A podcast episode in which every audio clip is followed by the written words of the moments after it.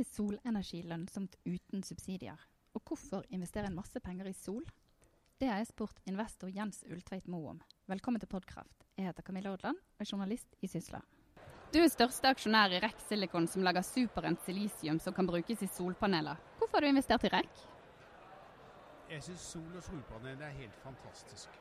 Det er nærmeste vi kommer perpetuum mobile. Der kommer energien fritt fra solen. Helt magisk skiftes det om til elektrisitet. Dette har jeg vært fascinert av i ti år. Først var det en drøm, nå er det en realitet. Og jeg ønsker å investere i det i lang tid.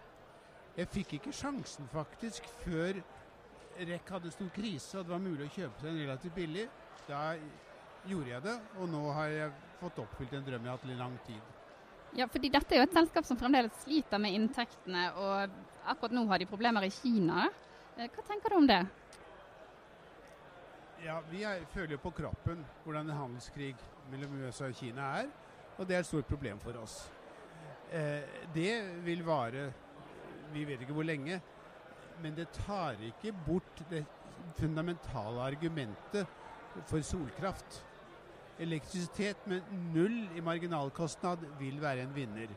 Spesielt i en verden hvor kapitalkostnaden, rentenivået, er veldig lavt. Og Hvordan tror du solindustrien vil utvikle seg fremover? Ja, Det er rimelig klart. Solindustrien ble startet av Tyskland. Nå har Kina overtatt og redusert kostnader dramatisk. De siste, eh, de siste kontraktene på sol er på 25 øre kilowattimen, som er på linje med norsk vannkraft. Helt eventyrlig. Eh, så det som faktisk gir håp i klimakrisen, og det er det eneste jeg ser, er jo at solkraft kan levere oss den energien vi trenger i fremtiden uten utslipp. Og med lavere kostnad enn fossilt. Og Det siste er veldig viktig, eh, for det betyr at vi vil vinne i markedet uten subsidier. Ja, og hvor, hvor, hvor tid tror du vi er der at eh, det vil vinne uten subsidier? I Chile og Abu Dhabi er jo der nå. Uh, vi er der nokså nær en del stater i USA. Uh, og innen fem år tror jeg vi er der helt klart, generelt. Ja. Det er avhengig av to ting. Det ene er solkraften. Uh, det andre er batteriteknologien. Batteriteknologien følger akkurat samme kostnadsutvikling som sol. og det når, når vi kan lagre, altså ha solenergi når det er mørkt, så har vi vunnet. Ja, for I det siste så har jo både kostnadene ved produksjonen falt, og så effekten har økt. Så dette er noe du tror vil Ja, det er helt eventyrlig. Altså, ikke bare det. Det er en teknologi som fortsatt er mye å gjøre på. Vi har et annet firma, Solovoltaic, som er også større aksjonær, som utvikler helt nye nanobelegg som vil øke effektiviteten av solceller med 10 prosentpoeng. Hvis det virker, vil det redusere kostnaden av sol med 20 og nå har vi nevnt USA flere ganger. og når Donald Trump ble valgt til president i USA, så falt aksjekursen til REC sånn nedover. ble du bekymret over det? Nei, altså Vi har jo hatt handelskrig lenge, så for oss er ikke det så Vi har følt det på kroppen. Jeg, det, det er klart at Trump, som er en uh, upålitelig løgnhals, er uh, dårlige nyheter. Er dårlige nyheter for klimaet det eneste lyspunktet med Trump er at han er helt upålitelig og prinsippløs. Så han vil som en værhane gå etter, etter hva folk mener. Og du har jo store stater i USA som California og Nord-England-staten som er veldig positive på, på, bruk av solkraft. Så det kan nok snu seg. Ja, for Hvilken betydning tror du det at han ble valgt til president vil få for det grønne skiftet sånn i verden? holdt på å si? Kan nei, det ha nei, noe nei, jeg tror klart det er negativt. Det er klart negativt. Han truer jo med å trekke USA ut av Paris. Nå ser du at han trekker seg fra det. Han er, han er forsiktigere nå.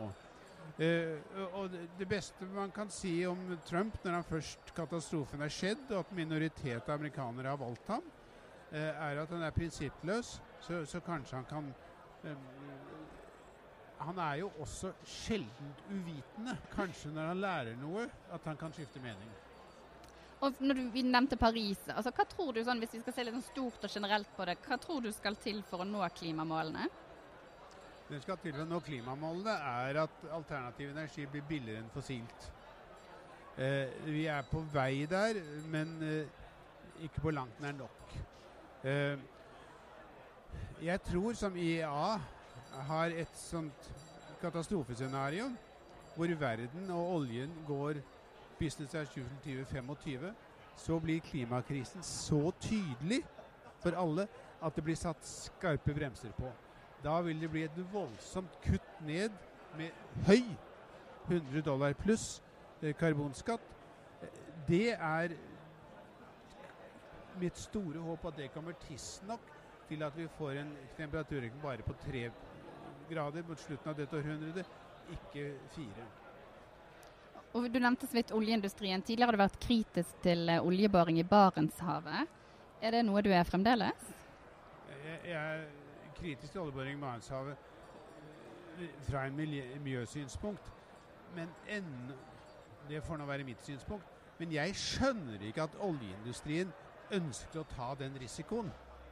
Hvis du ser Altså, de begynner nå, de kommer i produksjonen 2030, skal produsere fra 2030 til 2070. I siste halvdelen av perioden så er det for meg helt åpenbart at oljeetterspørselen i verden blir halvparten av hva den er i dag. Oljen blir ikke borte, men det blir mye mindre. Jeg tror det er godt mulig å tjene masse penger på olje nå. Betinget er at du stopper å lete. Uh, og det verste stedet å lete er for meg et marginalt sted som Barentshavet. Men hvordan ser du på fremtiden til norsk oljenæring? Norsk, norsk oljenæring, i det perspektivet som du drar? Så lenge de ikke leter, så har de 20-30 år foran seg som er eh, helt greie, og, og, har jo vist stor evne til kostnadsreduksjon. Så de kan godt være konkurransedyktige og produsere eh, 1-2 millioner fat per dag frem til 2050.